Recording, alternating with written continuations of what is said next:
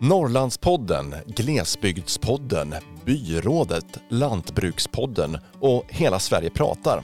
Ja, det finns gott om poddar som rör sig utanför storstäderna. Och utbudet av poddar har exploderat de senaste åren och intresset för att lyssna är stort. Så varför är det viktigt med poddar som lyfter just landsbygdsfrågor? Och kan det vara så att podden spelar en viktig roll i det demokratiska samhället? Jag heter Håkan Montelius och du lyssnar på podden Landet, en podd från Landsbygdsnätverket.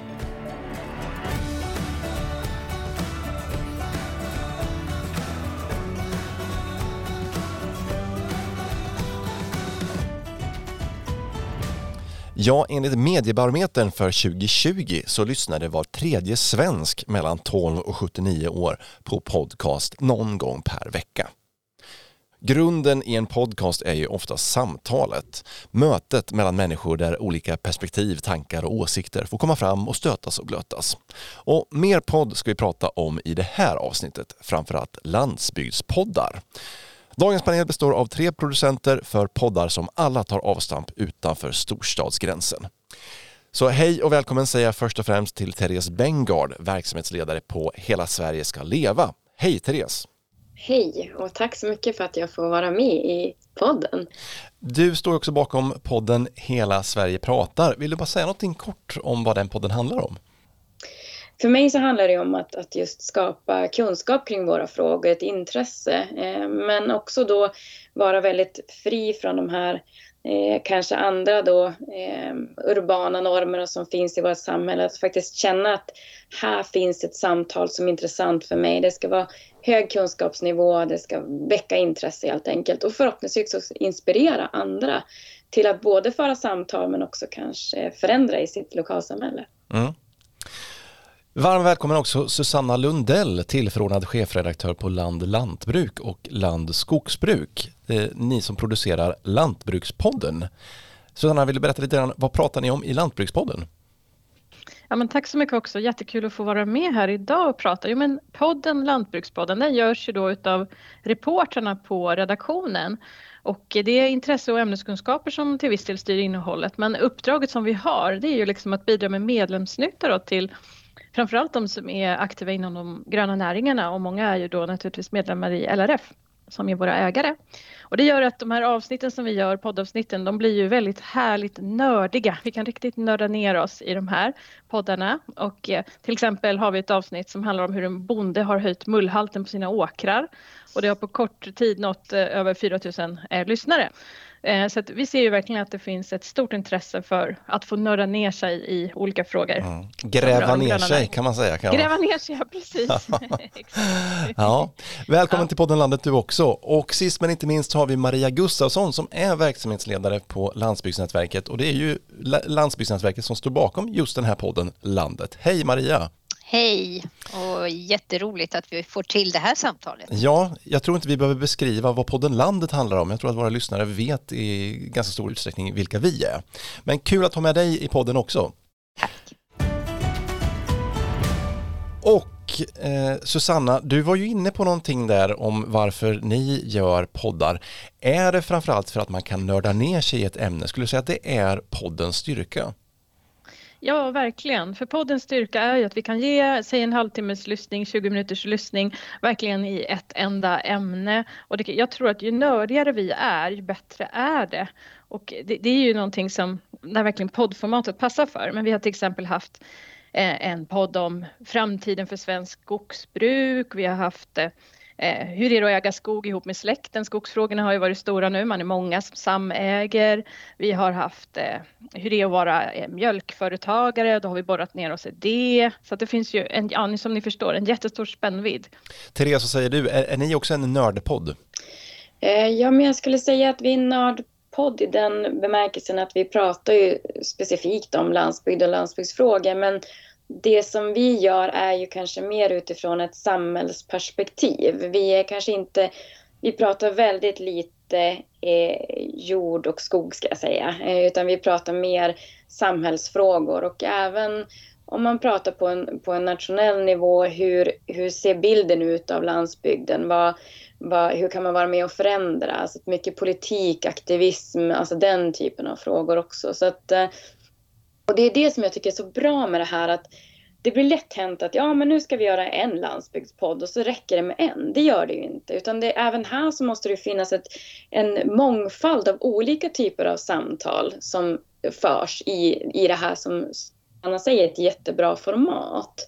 Eh, för jag menar, det finns ju tusentals poddar som kanske har ett stadsperspektiv. Ja, men det är klart att vi kan ha tusentals poddar egentligen om de här delarna. Och att man som sagt får nörda ner sig i de ämnena man tycker är intressanta. Så att eh, jag ska säga att vi är också så här lagom nördiga, absolut. Ja.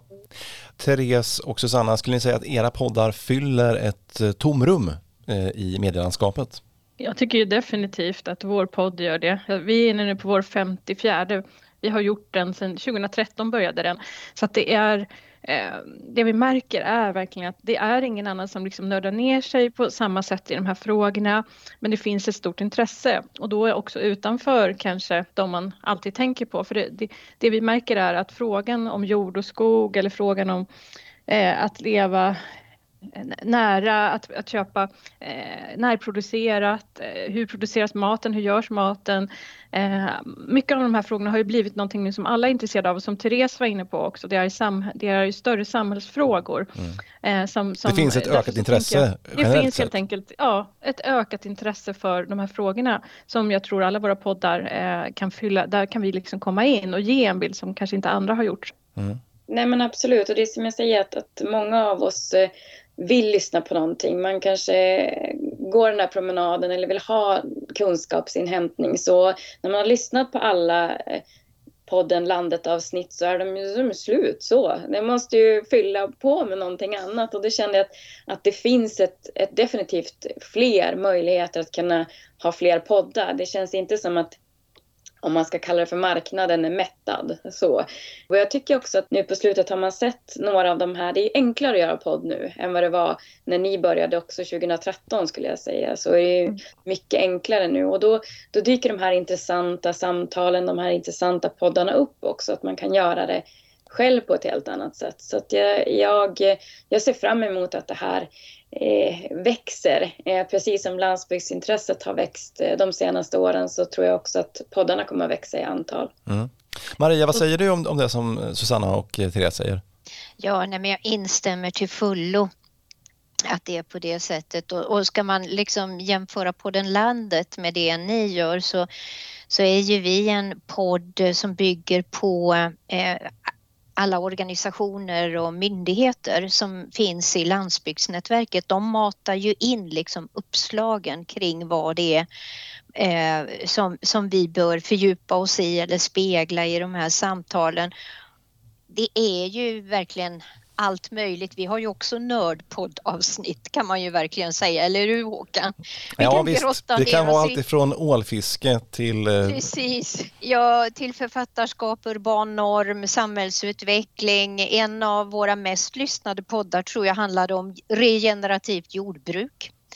Eh, alltså, så det är eh, eh det är en väldigt bred, men, men jag brukar säga att i och med att Landsbygdsnätverket är ett nätverk för att samla många olika sektorer att titta på landsbygdernas utveckling i dess alla dimensioner. Och att, det att samla experter och gräsrötter i samma dialog så ska podden också skildra det. Där sitter man oavsett om man pratar om ålämnet eller om man pratar om författarskap. Då är det gräsrots, eh, gräsrotsröster tillsammans med experter experter, forskare eller vad det nu kan vara, politiker eller vad det nu är för någonting. Och, och jag, jag, skulle också vilja säga att, att podden Landet är också därmed till för att spränga stuprören och bygga hängrännorna. Och där tänker jag då att, att där kompletterar ju vi som poddar varandra på ett väldigt, väldigt bra sätt och vi kan hämta ämnen från varandra, vi kan gå vidare och utveckla dem och så. så att det, det är precis som ni säger, det behövs många poddar för att skildra eh, landsbygder. Det är ingen homogen tillvaro utan den är väldigt mångfacetterad. Att intresset för, för poddar har ökat eh, de senaste åren handlar ju såklart om digitaliseringen, att det är lättare att göra podd. Eh, fler gör poddar och det dyker upp mer och mer nischade poddar tänker jag. Eh, Men upplever ni också att det har funnits en brist på just landsbygdspoddar eh, i, i, i medielandskapet liksom, och att de traditionella medierna har varit dåliga på att lyfta de här frågorna? Susanna och, och Therese, om vi börjar med er. Jag tycker inte att det har funnits så många utan jag tycker vi som sitter här representerar väl dem. Eh, och, och, att, eh, att det är absolut att vi fyller ett tomrum men också sen ja, men tidningar, dagstidningar och så har ju dragit ner på bevakningen av landsbygden generellt. De har inte reportrar med den specialinriktningen. Man tittar Nyheter som är en stor tidning till exempel, de anställer ju reportrar i hela Sverige nu har de börjat göra. Då kan man väl se att nu börjar de nosa på det som vi hela tiden har vetat, att det finns väldigt mycket intressant utanför storstadsregionerna att skriva om. Men de har ju fortfarande inte nördat ner sig i frågorna på samma sätt som vi kan göra i våra poddar. De har inte kunskapsmässigt kommit i fatt på det sättet. Så att, ja, det jag tycker det har funnits ett tomrum. Mm. Therese, vad säger du? Nej, men, ja, jag kan bara hålla med. Eh, jag har ju under de här åren som jag jobbat med de här frågorna varit väldigt kritisk till att man upplever att, att, att folk som lever och bor utanför våra storstäder är någon slags eh, men så här, lite konstigt och lite avvikande och lite så här så och jag, jag köper inte det. Så att, dels är det så att, att 158, som majoriteten av våra kommuner saknar en stad överhuvudtaget att i sig så. Det, den bilden ser man tycker jag inte speciellt mycket och särskilt inte i det medielandskap som har skapats de senaste åren. Så att då blir det ju så oftast när det skapas tomrum så vill man också fylla det med någonting och, och nu när tekniken finns där så, så, så görs ju det av folk som är intresserade av de här frågorna. Eh, det ska inte slå ut, tycker jag, att man från framförallt public service har ett ansvar att faktiskt skildra och spegla hela Sverige. Och det är jätteviktigt. Och det är ju det var ju som jag skrev här om dagen, jag brukar ta det ett exempel att vi fortfarande inte har kommit så himla långt. Alltså när jag pratar med mina, eh, ja men, vad ska man säga, eh, medarbetare och andra nu så ser man ju att vi kanske står inför en stundande matkris i Sverige. Alltså det är verkligen illa just nu. Det, det är ökade priser, det, det är tuffare på något vis förhållanden och så vidare. Det här skrivs det nästan ingenting om. Jag, jag kunde inte hitta speciellt mycket om det. Men däremot elsparkcyklar. Alltså jag googlade och kollade. Eh, Aftonbladet hade 337 träffar på elsparkcyklar. Eh, SVT hade en egen, ni vet en sån här rubrik där det brukar stå så här, ni vet man gör ett, ett, eh, ja, men ett rubriksnitt elsparkcyklar. Mm. Men ingenting om någon svensk matkris.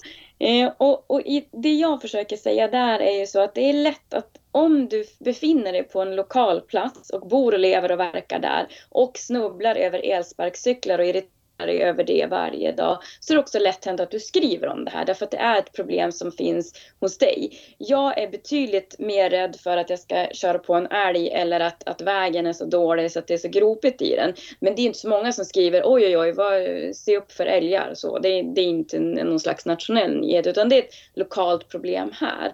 Eh, så det är det jag vill att, att just den här delen, att dels att, att vi ska fortsätta, att fler ska upptäcka att vi måste skriva om hela landet, för att också hela landet ska hålla ihop och att man ska känna igen sig i det här. Vad ser du för risker då, eh, om vi lever i ett land där, där vissa delar så att säga faller bort från mediekartan? Nej, men att, att inte synas, att inte höras, att inte finnas, det, det, är, det skapar skapar eh, ett samhälle som jag tror kan i grund och botten bli ganska farligt. Alltså när, när man känner på något vis att vi inte är med, vi får inte vara med och påverka, så då kan det ta sig uttryck på sätt som vi inte vill ha. Så det här handlar ju om demokrati egentligen och det är därför man också säger att media har en viktig roll att spela när det gäller det demokratiska uppdraget. Eh, så jag tror att det är jätte, jätteviktigt att man känner igen sig och det, det kan jag bli ibland frustrerad över också när man då från framförallt public service försöker göra det här att, att man också alltid på något vis exotifierar, att man åker ut dit ut. Och det är som att man åker till ett annat land eller att man är så här utrikeskorrespondent och åker till Hammarstrand och oj vad exotiskt det här var. Ja, men, eh, Hammarstrand har varit en del av Sverige lika länge som, ja kanske inte, vi har varit norskt ett tag. Men i alla fall. Tillräckligt länge för att ni ska vara en del av Sverige. Exakt, ja, ja i många tusentals år. Ja, så. så precis som Skåne. Mm. Exakt, ja. Så att jag skulle vilja på något vis att det känns som att man känner igen sig och att man inte heller behöver förklara som att det är konstiga saker vi håller på med. Utan det här är en del. Många känner igen sig i den här världen. Det är många som, som vet hur det är att leva och bo på våra landsbygder. Vi vill bara att det ska speglas på ett, ett bra sätt och att, att vi känner igen oss i det. Så att, mm. ja, eh, jag håller verkligen med dig Therese. Jag tänker liksom på det här med elsparkcyklarna tycker jag var ett sånt bra exempel. Det skrivs det liksom spaltmeter om men eh, man måste ha körkort och bil på landsbygden och då blir också andra frågor viktiga som vad kostar diesel, vad kostar bensin? Ehm, det finns massa frågor som, som där man liksom inte inte alls förstår hur stora de är. Och jag tror verkligen att skriver man inte om hela Sverige och om landsbygden så riskerar man ett vi och dem perspektiv. Att, att det blir mycket mer, eh, mycket mer problem och mycket mer, som du var inne på, ett demokratiproblem. Mm. Maria, vad säger du?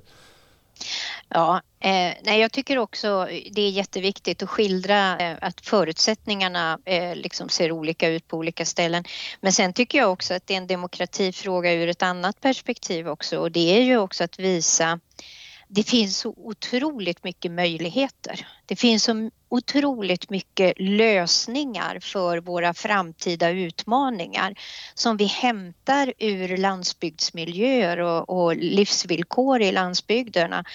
Eh, och, eh, så det tycker jag också är en viktig sak för vår podd att, att lyfta.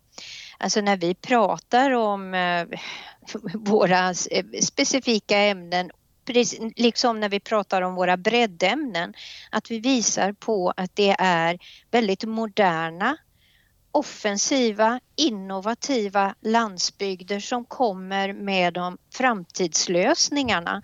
Det händer så otroligt mycket spännande runt om i Sverige. Therese Bengard, eh, podden Hela Sverige pratar, den är ganska nystartad som du berättade. Vad tänker du om framtiden för er podd? Vi, vi är ju som en gäng, en bubbla ni vet, så, som, som pratar om de här frågorna. Eh, man märker det på våra konferenser och man märker det på, på när vi träffas. Så, att det skulle också vara roligt att höra andras perspektiv, att, att få en, en bredd på det här. Eh, och kanske också som vi gör just nu, att delta i andra poddar som har stora plattformar så man kanske kan prata om landsbygdsfrågan och bredda den. Eh, för jag tror att det här är en av de viktigaste samhällsfrågorna vi har och det märker man ju också inför eh, ja, men, diskussioner kring politiken också, att, att stad-land-frågan kommer att vara väldigt intressant. Så att, eh, Mm. Jag hoppas att vi sakta men säkert växer och att vi hittar nya målgrupper och att, att de som uppskattar att lyssna på de här frågorna eh, känner gud vad roligt, snart kommer ett nytt avsnitt av Hela Sverige pratar. Mm. ser du att, att eran podd och alla andra landsbygdspoddar kan spela en roll här för att eh, påverka just den här bilden land-stad eller den urbana normen?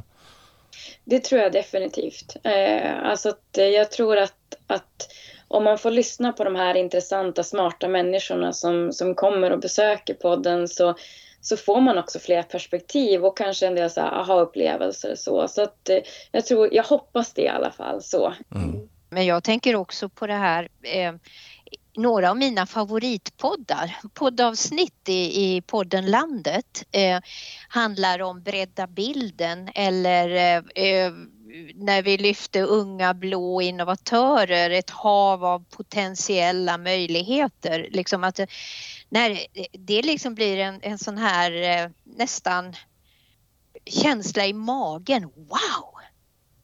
Gud, händer det här? Liksom. Det, det spränger verkligen den eh, gängse bilden av vad, vad som sker i våra landsbygder.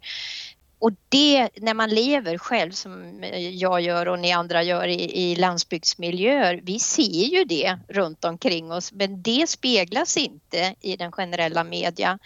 Och därför är det så roligt att kunna vara med och bidra till att bredda bilden. Mm. Maria, du tipsade ju där om några av avsnitten i eh, podden Landet som, eh, som du gillar. Eh, Susanna, om du skulle tipsa om något eh, avsnitt i eran podd som du tycker att det här är verkligen intressant. Eh, ta chansen här och sprid det till fler lyssnare. Vad skulle det vara? Ja, det finns jättemånga, men jag tycker nu en av våra senaste som handlar om teknikutmaningen just för att Maria lyfter det här med det positiva, att man får in den känslan av hur mycket bra som görs. Och det är en av våra senaste eh, poddar där Axel Lagerfeldt som vann tävlingen då han berättar om sin eh, innovation sprutsensorn. Så den tycker jag man kan lyssna på om man vill bli lite peppad sådär.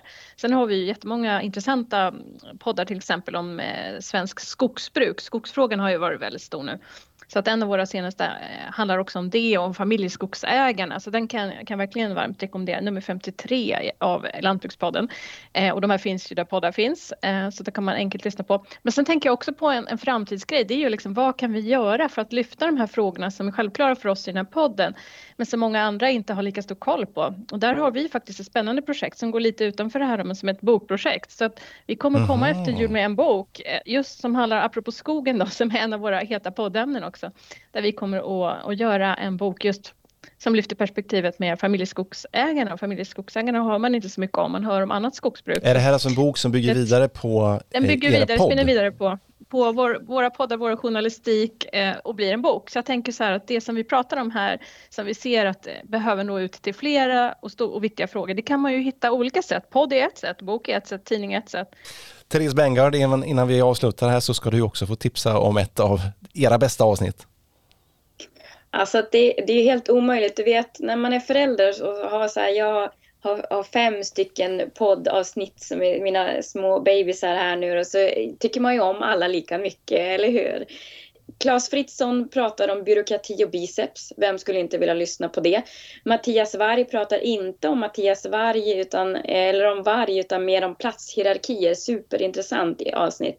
Anna och Kristina, Ruralistas, kvinnors kamp och eh, kraft skulle jag säga på våra landsbygder.